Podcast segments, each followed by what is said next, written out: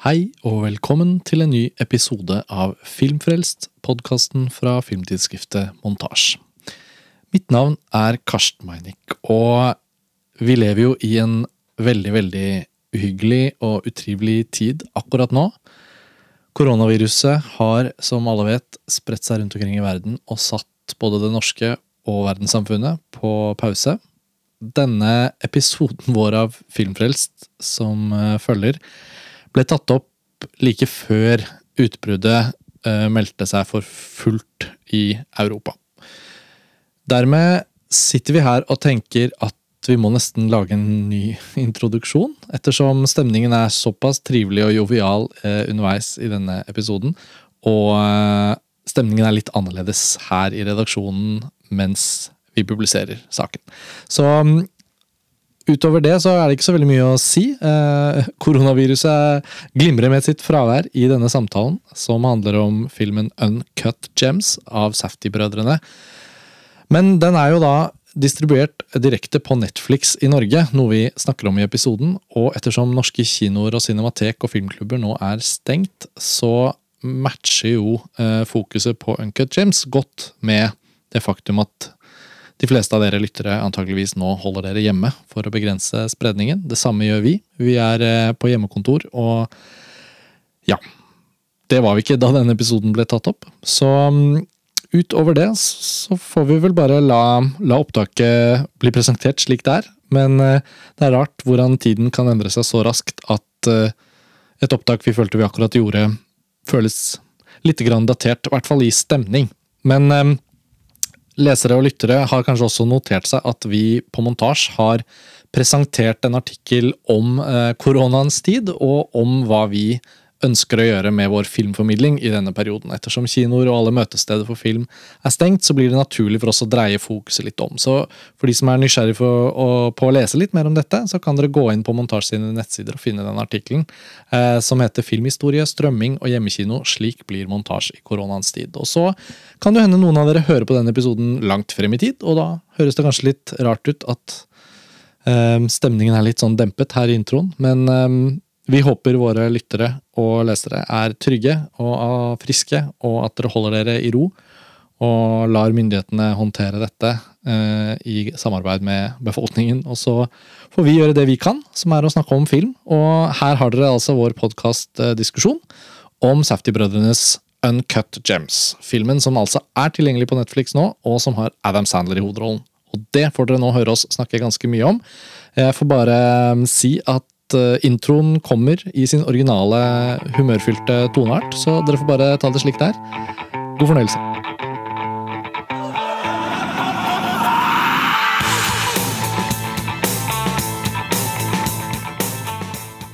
Hei og velkommen til en ny episode av Filmfrelst, podkasten fra filmtidsskriftet montasj.no. Mitt navn er Karsten Meinick, og jeg sitter her sammen med Pernille Middleton. Hallo. Hei, Pernille. Og Tor Joakim Haga. Hallo, ja. Hei, Tor Joakim.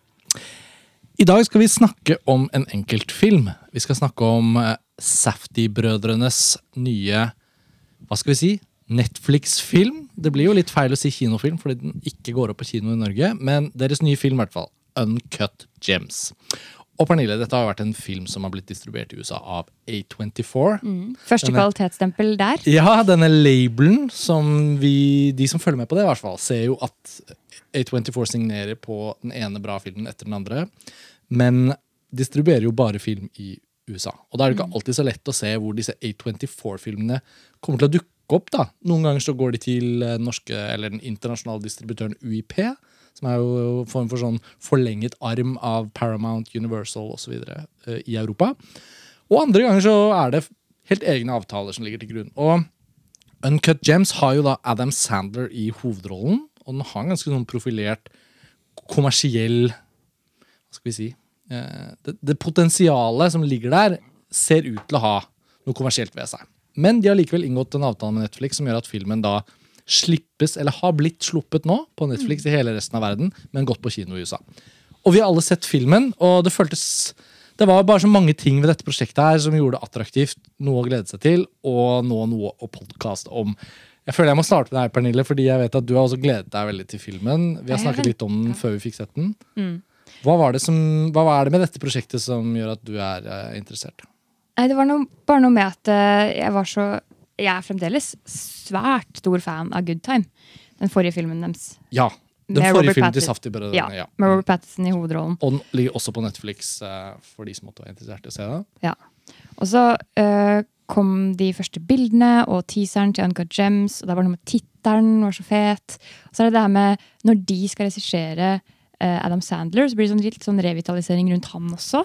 Så det var så mange ting og tråder og trekker her som virka spennende. da. Så ja, har, jeg har ventet eh, ekstremt mye på den filmen her. Ja, og vi skal jo snart sette tenna i hva slags film det er. Eh, Tore Joakim, du er jo bitte litt eldre enn meg, men vi er jo begge sånn typiske barn av 90-tallet.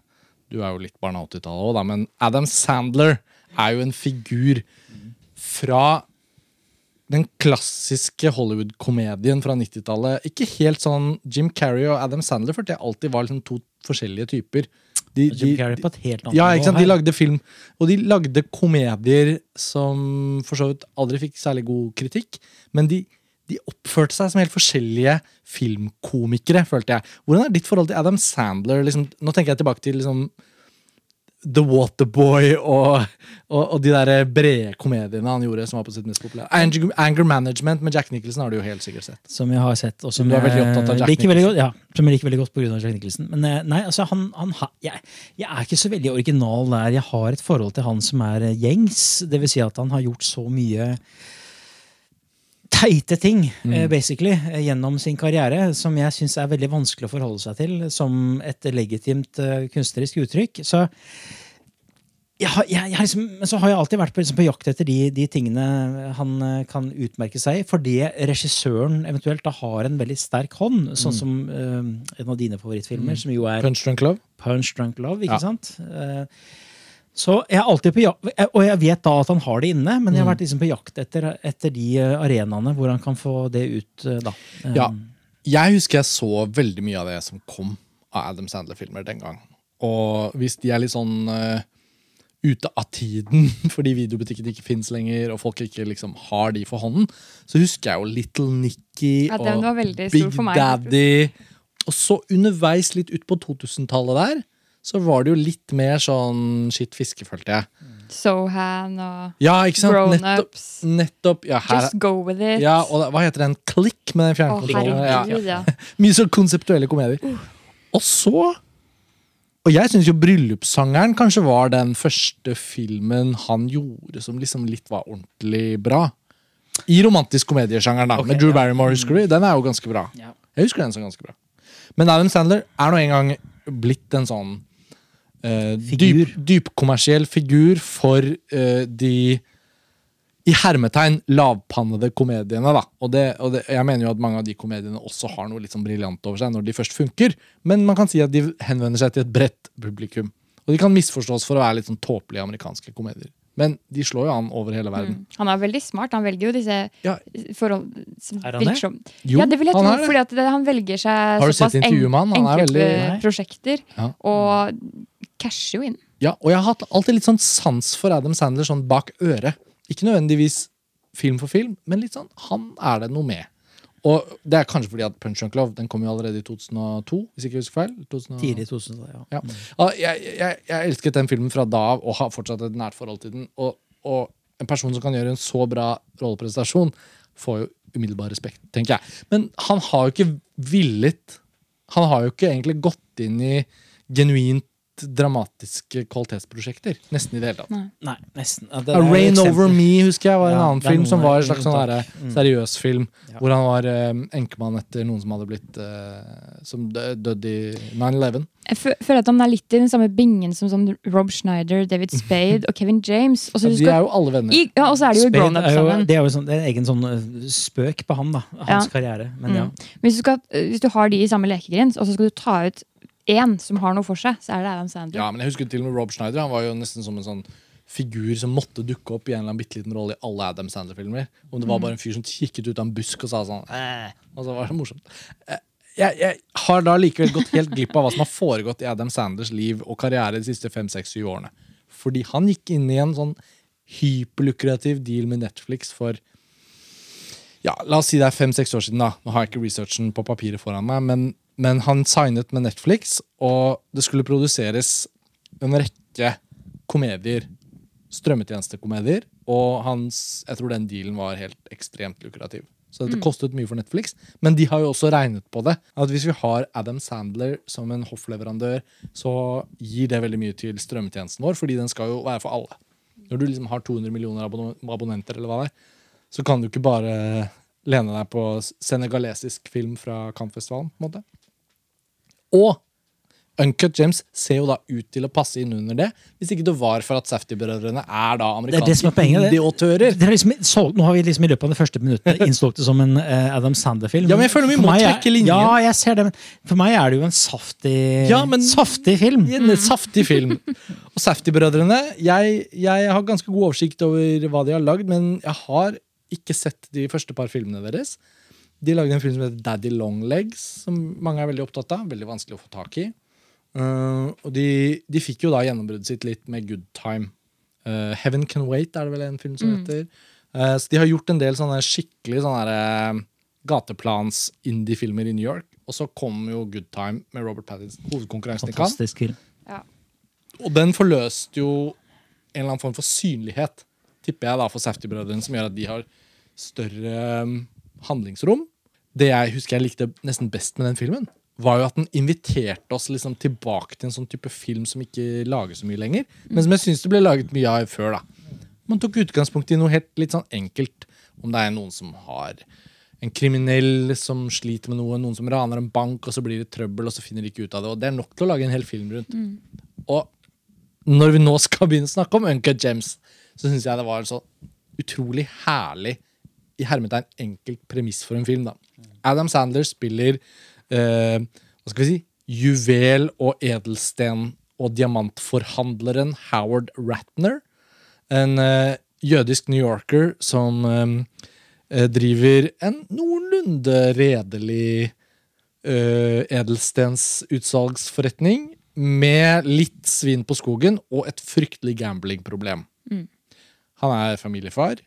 De lever typ sånn, litt sånn ute i upstate eller Long Island eller et eller annet sånt, litt utenfor sentrum av New York. Det var umulig Og- for meg ikke å få litt Sopranos-følelse. Ja, ja, ikke sant? Det er, ja, ja, men det er akkurat det. ikke sant? Kanskje han lever i New Jersey også. Ja. også. Men dette er på Manhattan. Han har butikken sin, som har sånne påtagelige sånne Det er veldig sånn Du må ringe på, og så blir du låst inn i, i en, en bås.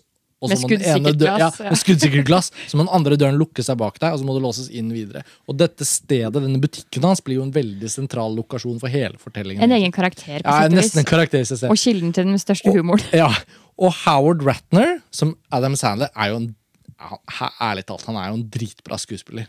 Ja, men han har jo ikke fått eh, vist Han det, da. Nesten aldri. Nei. Men når han først viser det, sånn som han gjorde i Punch Drunk mm. sånn som han gjør her, så er det jo helt fantastisk. Jeg vil ikke si utrolig skuespiller. Jo, det er han faktisk. Ja, og Der er jeg litt uenig. Jeg vil si at han har han har, Han har en sin- stikk. Han har en stikk. eh, Tom Hanks. Det er mange som har sånne sticks. Og, og når det treffer bra, så, så treffer det bra. Og det gjør det i dette tilfellet. Jeg tror han kan når han vil. Ja, det er litt det jeg skal Det er litt det, at ja. han kan når han vil. Hvis han, hvis han er lidenskapelig nok for prosjektet, så tror jeg han virkelig kan klinke til. Eller det beviser jo han jo at han kan. Ja, på, jeg hørte, Vi hadde diskusjoner om at han- er egentlig ganske smart figur og velger sine prosjekter etter, etter, eh, etter det, men jeg, jeg vet ikke. Men eh, Han har en eller annen energi, en eller annen form for tilgang på improvisasjon og nærvær som i hvert fall han får utbytte for i Uncut James. Fordi denne Howard Ratner, som, som, som er spilleavhengig, og som har dette jaget i seg, i hele fysikken sin, som matcher jo veldig bra med disse Safety-brødrenes filmatiske liksom sånn åndedrett, hvis man kan kalle det det. Tempoet i Good Time er jo meislet rundt Robert Pattinsons rollefigur. Han skal få broren sin ut av politiets klør. Han skal rette opp alt som har skjedd galt etter et mislykket ran. Og filmen bare pumper fremover, og den ene ulykksalige hendelsen etter den andre gjør at vi tror det skal gå dårlig, og så, glir-. Ja, og så Ja, er kommer han seg likevel ut av det, og så glir han som et sånn såpestykke gjennom hele filmen. Den rytmen og den fortellerestetikken er jo bare fortsatt i Uncut Gems som om det nesten ikke var noen pause mellom filmene. Den er hektisk på en sånn utrolig slitsom måte, men på en god slitsom måte. Man blir liksom klam av å se på den. Man blir helt stressa av det. Det er, det er noe med temposkiftene her. Altså, jeg, jeg, jeg liker filmen godt, men jeg har et problem med, med noen sekvenser hvor, det, hvor, hvor tempo, tempo, blir for høyt for meg. Det er en sekvens sånn, ja, nesten før, før siste akt, hvor, hvor alle eh, narrative linjer kommer sammen på ett punkt. Eh, han sitter foran egentlig skrivebordet sitt, og, men det er masse som skjer på en, på, på en gang. Og da, da blir det litt anmasende, og det er jo et sånn eh, issue. Det hadde jeg ikke med, med, med Good Time. Jeg følte at det var en sånn momentum akt, aktstrukturert momentum, hvor det liksom det ene gikk inn i det andre. Her er det mer, mer Hva skal jeg si? Det er mer sånn intenst der og da. Og eh, jeg sleit litt med det. Men, men det var den eneste lille innsigelsen jeg har mot, mot filmen. da. Ja. Men altså, akkurat i Uncut Gems så er det jo flere impulser som treffer Howard enn kanskje Robert Pattinson i Good Time. vil jeg si da. Absolutt, det, det er ja, liksom, ja. kommer inn fra alle vinkler, og det er jo spørsmål om tid før dette her må Mm. krysses. Ja, Helst altså- på det mest jævligste tidspunktet. Hvis vi kan sammenligne de to filmene, så kan man si at Robert Pattinson Han setter jo ting litt i gang selv og har liksom et klart mål. Han vil ha broren sin. Og det driver jo veldig mye av hendelsesforløpet. Ja, ja, ja. I Uncut Gems så er det mer sånn at før filmen starter, så har flere år av livet til Adam Sandlers rollefigur ledet frem til dette punktet. Og det er bare press fra alle kanter. Og idet filmen starter, så er han Det er som om beina allerede er i gang. ikke sant? Det er, det er et pro pro problematisk forhold til hovedpersonen, som du egentlig skal sympatisere med, men Ja, men det som jeg tenker på med driven i filmen, føler jeg får en veldig heldig start.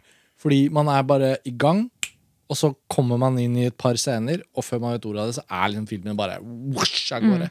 Men du syns Good Time er bedre enn Uncut jeg syns den er bedre. Gems, men, ja. men, men det jeg liker med, med Uncut Gems, er at det er en konstant eh, dynamikk, en konstant dialektikk med hovedpersonen. Du sympatiserer med han det ene øyeblikket, og så syns du han er en drittsekk det andre øyeblikket. Og så går, Og så en idiot det tredje øyeblikket. en idiot det tredje øyeblikket, og så går, går, så går det, går det, går det. Eh, og det handler litt om eksterne omstendigheter, og det handler også litt om han som person. Men vi ender ja, jeg, jeg, Nå skal ikke komme med noen spoiler, men det ender et sted hvor du, hvor du dras i forskjellige retninger. Mm.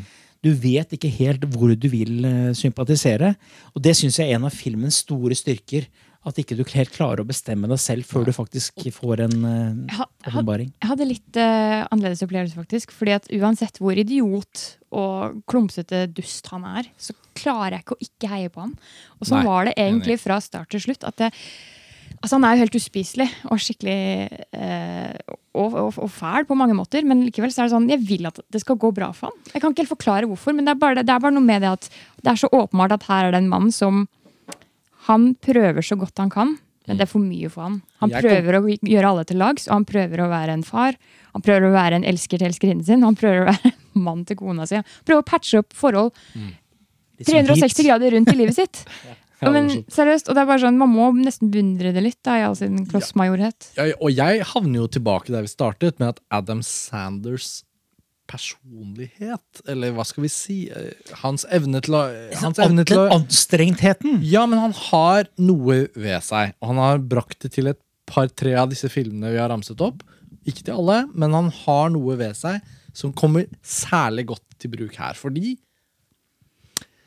han Vi ser på ansiktet hans, og det er til og med en scene i Uncut Gems hvor noen ser på ansiktet hans og sier sånn Begynner å le og Du ser sånn så teit ut. Ansiktet ditt er så jævlig teit! Og så begynner hun å le. Som er en direkte metakommentar Nettopp, om hans eh, Adam Sanders persona. oppsyn og persona Oppsyn, ja, takk. er Det har noe Man får litt hjerte for han, da. Det er vel det jeg skal frem til. Jeg får i hvert fall det. Og, og han har et oppsyn som tidvis kan uttrykke um, en litt sånn slu eller ertete tone. Er det noe han har da noe lurt på gang? På en nesten litt sånn barnlig måte. Eller bare dum. Eller bare dum. Ja, eller er han bare dum? ikke sant? Ja, men det, det er et godt poeng. Og så, når han da er Howard Ratner, denne, denne spilleavhengige diamantforhandleren, som også har mye sånn deals på gang. Det er jo ikke bare sånn at han har gamblet på noen basketkamper. Han har også noen, noen ting som skal Denne opalen som skal på auksjon, og det liksom Og så er det familien, og så er det lånt noen penger her og lånt noen penger der. Og det er noe noe evig, evig flyt av fake Rolex inn og ut av safen. Og, og vi har jo ikke engang spoila noe ved filmen. Vi, vi omtaler her bare sånn løse detaljer som, som ikke har noe å si for hvordan dere kommer til å oppleve den filmen. Men jeg må si jeg likte det bare bedre og bedre, og jeg tror det hele forankret seg i at dypt nedi Adam Sandler så fins det en, en litt sånn genial performer. Kanskje han ikke er en god skuespiller. Jeg er enig, Tor Joakim. Altså, det er ikke sikkert han, I han forhold har til register. Nei, nettopp. Ja, Nettopp, han kan ja. ikke liksom bare få manuset Eller få Nei, liksom nei. Romeo og Julie på sitt bord, og så spille en sentral rolle. i. Anthony Hopkins, liksom. Nei. Nei, ikke sant? Men når han først er den han er, og har denne merkelige posisjonen i filmkulturen, og sånn, så, så tenker jeg liksom Å, at han ikke gjør mer av det her. Ikke sant? Punch Drunk Love er jo 18 år siden. Ja. Og, og, og, og egentlig har ikke noe annet av det Han har gjort seriøse ting imellom, men det er jo ikke sånn at han egentlig har lyktes på det samme nivået før nå.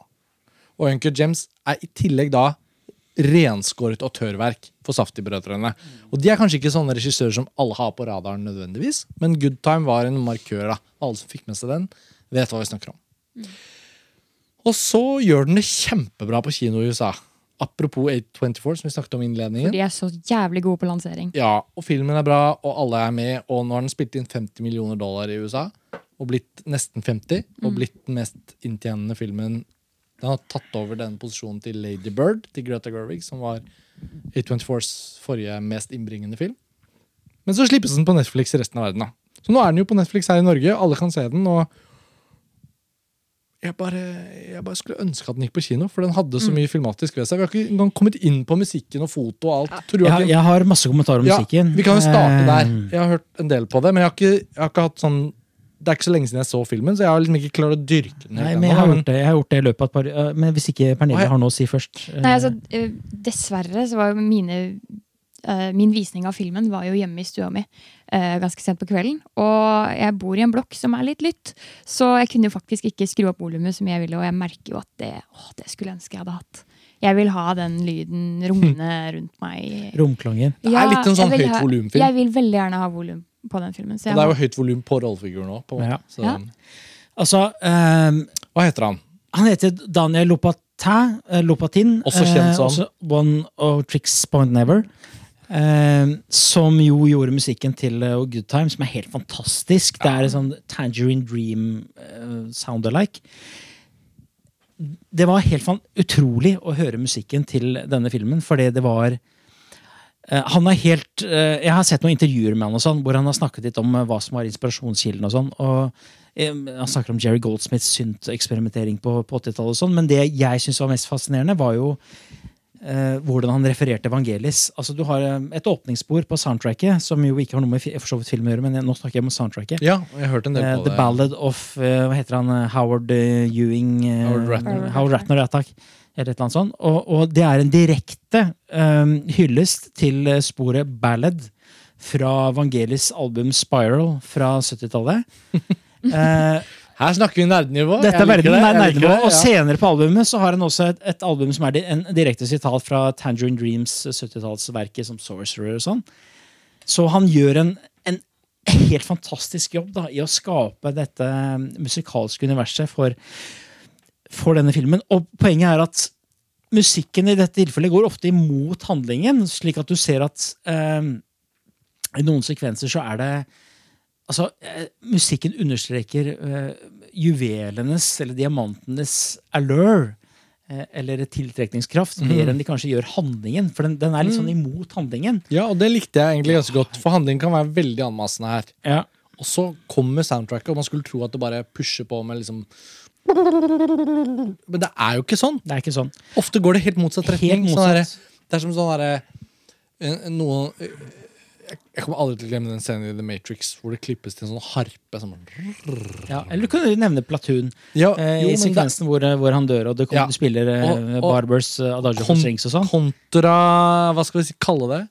Er det et begrep for det? Når du går helt kontra hva som skjer det Ja, det er jo ja, kontra. Du kan kalle det hva du vil. Ja. eh, er, jeg, jeg liker det i hvert fall. Og i Uncut Gems så syns jeg musikken egentlig ender opp med å være helt sentral Mm. for å, å holde oss interessert. Fordi det er faktisk så mye kødd som skjer i denne historien. Riktig. Og folk oppfører seg idiotisk. Det er liksom plottvendinger vi ikke kunne forutsett. Og jo, men tror du ikke at Men det er det, altså de har jo også noen sånne bilder av kosmos. Slik at, Ja. slik at vi skal liksom på et eller annet nivå så skal vi skjønne at dette er, eh, det dette er krefter som virker på disse her stakkarslige, stusslige personene som, som jobber der. Og de kreftene speiles i, i I musikken. musikken. Ja, det gjør det. Så det er eh, Har du, Det- ja.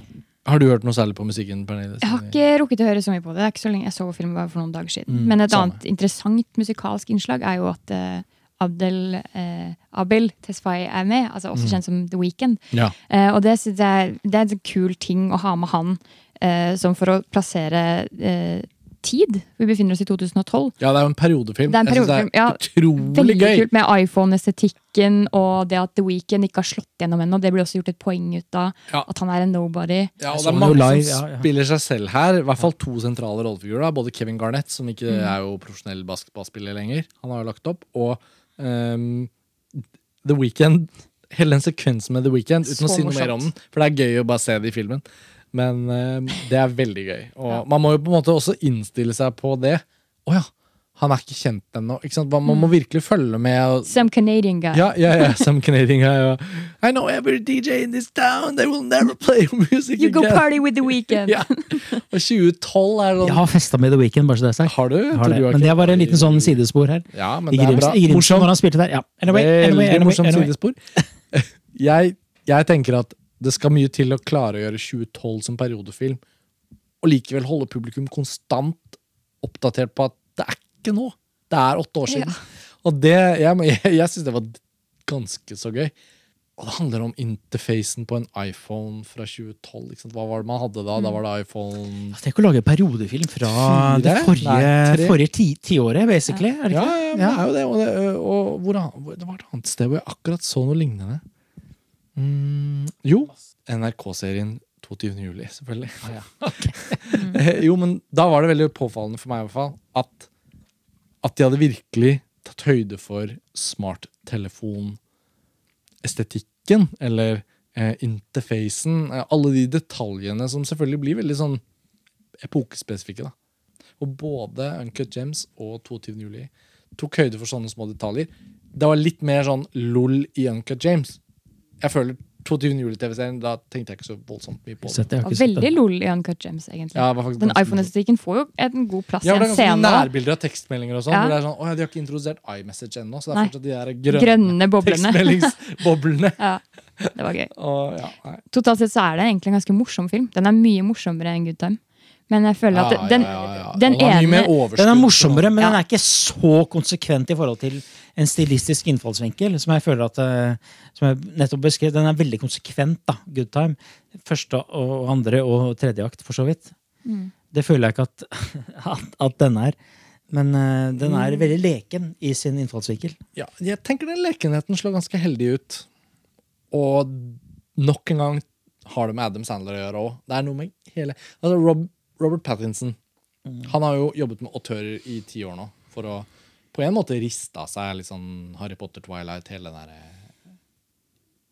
Det var ganske The Lighthouse. Ja, ja, men det var jo hans gjennombruddsroller. Vi har The Lighthouse, ikke sant? High Life. High Life, Good Time. Han har jo bare en etter en. Og han har jobbet masse med David Cronenberg. Så det er jo på en måte Han har jo virkelig gått inn for det. Ja. Og resultatet er jo at vi nå har så mange roller hvor han har pushet grensene, tatt sjanser osv. Adam Sandler tar ikke helt noe risiko med Uncut James. Han er på trygt territorium, men han spiller på ting han vet noe om. ikke sant? Hele det der litt sånn der overdrevne New York-jødiske han, han, han spiller på Han spiller jo ofte tapere. I, i hermetegn, ikke sant? Spiller jo noen mislykkede typer. Uh, ta Anger Management da med Jack Nicholson. Det er jo en klassisk uh, Adam Sandler-film, men i den filmen så spiller han jo veldig på den evnen han har til å spille sånn veldig rolig og så eksplosivt sinna. Og det er også i Punch Drunk Love, ikke sant? Og det er også her. Så er det noe med hvordan han ser ut, og at det, det passer så godt til beskrivelsen av karakteren Howard. da. Med en sånn, over, sånn overdreven stor, sånn, litt sånn slaskete skinnjakke med store lommer. ja.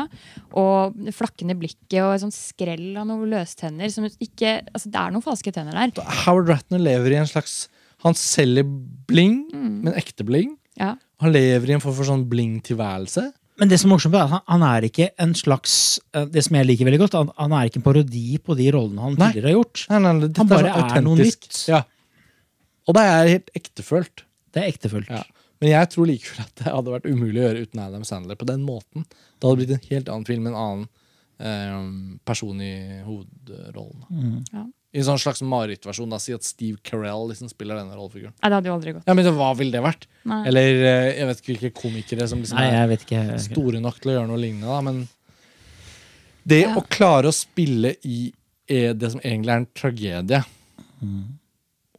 Og den bruker ikke formgrep for å understreke at den kan også være en komedie. Det eneste komiske elementet her er at Adam Sanders væremåte og tilstedeværelse i filmen tilfører noe med at vi bare føler at nå er det jo noe, noe morsomt med dette også. Og jeg må si jeg liker den sympatistrukturen som tegnes opp. Ja. At du er, syns han er en drittsekk, du heier litt på han. Ja. Du syns han er drittsekk, du heier litt på han. Ja. Det er også noe nytt uh, for meg i forhold til både han og, og den eh, sjangeren vi snakker om. da. Og, og Uncut James var jo da, frem mot Oscar-nominasjonene, kom egentlig en film som de virkelig trodde litt på. Og det handlet jo både om at den ble en suksess, og at det var litt hipt. Altså Folk er opptatt av Safety-brødrene, og, og, og folk legger merke til det når Adam Sandler gjør da i hermetegn en kvalitetsfilm. da. Men så ble det ikke Oscar-nominasjoner, og dermed står den jo litt mer over i altså, Om ikke kultfilm, så blir den jo litt mer sånn en film på utsiden av det gode selskap. Og det kler jo filmen litt. Kanskje det egentlig kler filmen bedre å ikke være Oscar-nominert enn å være Men hadde det vært kult om Adam Sandler hadde fått den. Jeg syns det hadde vært fortjent. Ja. Soundtracket er for meg hovedpoenget fra denne filmen. Men eh, Det er det du tar med deg. det blir sannsynligvis topp ti eh, 2020.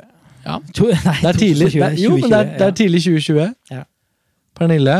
Ja, jeg føler det er viktig bare å si at Før det virker som at dette oppsummeres til å være mest en komedie, så er det også ganske sånn heftige thrillerelementer her. Altså, jeg sto På et punkt i løpet av filmen mot slutten så sto jeg midt på gulvet og Ja. gispet. Det skjedde Altså, i stua vår også, Ja, og det er- det er en veldig spennende film. Det er en veldig spennende film. Jeg føler ikke at vi har beskrevet den som en sånn ren komedie. Nei, men vi har kanskje vektlagt losene Ja, mer, da. Litt fordi jeg føler det er viktig å kontekstualisere Adam Sandler når vi snakker om den filmen.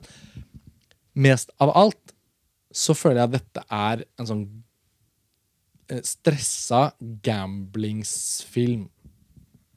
Nesten til og med en heistfilm. Det er jo ikke en heistfilm. Vi har snakka om Thief, Ja. vi har Ja, vi Michael Mann, vi har snakka om mye ja. Og, og, og jeg føler den skriver seg inn i en sånn his historie hvor vi kan alle huske på filmer som ligner litt. Det er ikke så lett å finne en film som ligner veldig, men hvis vi sier filmer som ligner litt Olsenmannen. Ja, jo, men Hvis vi tar disse filmene om litt sånn håpløse kriminelle som går gjennom en lang greie for å oppnå noe, og som egentlig sitter igjen med like lite som de startet med. Det er litt den følelsen at Jeg føler Uncle James skriver seg inn i det. da Helt fra liksom The Killing til Stanley Kubrick Ja. eh, og Absolutt. Thief og, og mange av disse filmene som ser kriminelle typer med et litt sånn menneskelig blikk. da De er ikke bedre enn det de prøver på å være, og noen ganger lykkes de, og andre ganger ikke. Og det er jo veldig sjelden at heist-filmer hvor, de- hvor de stikker av med 150 millioner, liksom. Det er jo ikke noe spennende, det. Nei, det sånn Hvis de, slutter med at de, ja, hvis de slutter med at de får med seg alle pengene, hva er det, da? Boring. Ja, det er litt boring. Grunnen til at de kunne lage hvor mange Olsenmann-filmer, 15, 16, 17, er jo at de aldri får, får med seg noen ting. Og det er derfor det er bra. Og det er litt det jeg føler jeg er, da. Vi får nesten oppsummere. Um, Uncle Gems er jo da tilgjengelig på Netflix og blir her i uoverskuelig fremtid. Bare å se. Det hadde vært hyggelig om den gikk på kino, det gjør den ikke. Eh, men eh, jeg syns den er veldig bra, og jeg syns den er lett å anbefale. Og jeg vet at i hvert fall Pernille, jeg føler jo ikke, at- nesten ikke at du har sagt hvor godt du liker filmen. Men jeg vet Er det at du liker topplisteplass for 2020? Allerede. Ja, du allerede, ikke sant? Og jeg kan si at soundtracket er sannsynligvis topp ti 2020. Ja. Jeg syns det er litt for tidlig å spå med listeplassering, men jeg er utrolig glad for denne filmen. Og jeg vil jo tenke at siden vi ikke har spoilet noen ting, så må vi oppfordre lytterne til å prøve å lese minst mulig om denne filmen og bare se den. Ja. Ja. For det er gøy å få med seg en del Ja. overraskelser Enig. på veien. Det var det. Takk for denne gang. Tor Joakim, Pernille. Vi høres igjen snart. Nye episoder er på gang. Ha det bra, alle sammen. Ha det. Ha det.